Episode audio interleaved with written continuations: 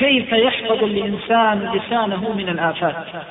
ألا وإن من أعظم ما يحصن به المسلم لسانه أن يذكر الآخرة. ذكر الآخرة من أعظم الأسباب التي تهذب للمسلم كلامه ومنطقه.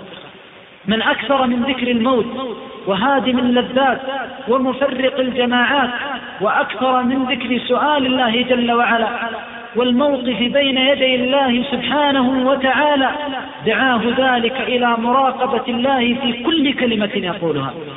أثر عن بعض السلف من العلماء رحمة الله عليهم أنه قضى في قضية وكان قاضيا. حكم في قضية بحكم وكان المحكوم عليه رجل من السفهاء يعني رجل لا يبالي بما يقول. فلما حكم هذا العالم القاضي عليه قال ذلك الرجل ظلمتني وجرت علي وتسلط بلسانه على العالم. فقال ذلك العالم والله الذي لا إله إلا هو ما تكلمت بكلمة منذ أربعين عاما إلا وأعددت لها جوابا بين يدي الله جل جلاله. أربعين سنة ما تكلمت بالكلمة إلا وأعددت لها جوابا بين يديه كثرة ذكر الآخرة ولذلك إذا أكثر الإنسان من ذكر الموت قل كلامه إلا فيما يعنيه. وأصبح يغار على هذا اللسان يحترق يريد حسنة يريد تسبيح استغفار تحميد تكبيرة يزاد له في صحيفة الأمل تذكر أخي في الله أنه ستمر عليك مثل هذه الساعة وأنت ضجيع القبر والبلا لا مال ولا بنون ولا عشيرة ولا أقربون وأنت أحوج ما تكون إلى كلمة طيبة تنجيك من عذاب أليم. ذكر الآخرة يحفظ اللسان ذكر الآخرة يقوم المنطق والبيان. فلو فإذا علم الإنسان أنه صائر إلى تلك الغصص التي تغص عندها الحناجر ويذل عندها الأصاغر والأكابر هانت عليه الدنيا فلم يطلق لسانه إلا فيما يعنيه. ولذلك كان السلف رحمهم الله يحفظون الألسنة بكثرة ذكر الموت والآخر. وكان الواحد منهم يعد كلماته خلال الأسبوع كله. من الجمعة إلى الجمعة يعرف عدد الكلمات التي تكلم بها. من الخوف خوف من الله جل وعلا وكثرة ال ال ال الاستشعار لهيبة الموقف بين يدي الله الواحد القهار.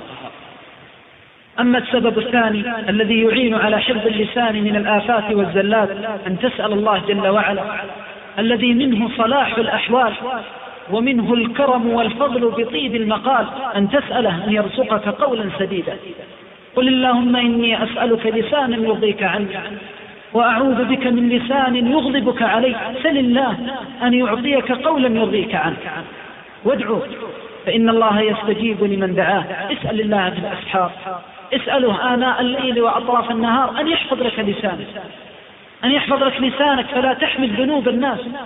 ولذلك قد يمسي الإنسان ويصبح راكعا ساجدا قائم الليل صائم النهار وحسناته لمن تكلم فيه. يغتاب وينم وهو قائم الليل صائم النهار حسنات القيام والصيام لمن هتك ستره وأذى. فاجتهد رحمك الله في سؤال الله أن يحفظ لك لسانك عن أذية المسلمين وعن أعراض عباد الله المؤمنين. نسأل الله العظيم رب العرش الكريم أن يرزقنا حفظ اللسان. ومن الأمور التي تعين على حفظ اللسان قراءة سيرة السلف الصالح رحمة الله عليهم. ففيها النماذج الكريمة التي تحيي تحيي في الأنفس الاشتغال بما يعني عما لا يعني. ومما يعين على حفظ اللسان واستغلاله في طاعة الله جل وعلا استشعار ما عند الله من الفضل إذا سخر الإنسان لسانه في طاعة الله. فإن الكلمة الطيبة تقربك إلى الجنة وتبعدك من النار. وثبت في الحديث الصحيح عن النبي صلى الله عليه وسلم أن العبد يتقي النار بشق تمرة وبكلمة طيبة. فليجتهد الإنسان في ذكر ما عند الله من الفضل والرحمة حتى يحفظ الله عز وجل لسانه ويصون منطقه وبيانه. أسأل الله العظيم رب العرش الكريم أن يرزقنا وإياكم قولا سديدا وعملا صالحا رشيدا. اللهم إنا نعوذ بك من زلات اللسان وخطرات الجنان ووساوس الشيطان. ونسألك أن تمن علينا بما يرضيك يا كريم يا رحمن. سبحان ربك رب العزة عما يصفون وسلام على المرسلين والحمد لله رب العالمين وصلى الله وسلم وبارك على نبيه وآله وصحبه أجمعين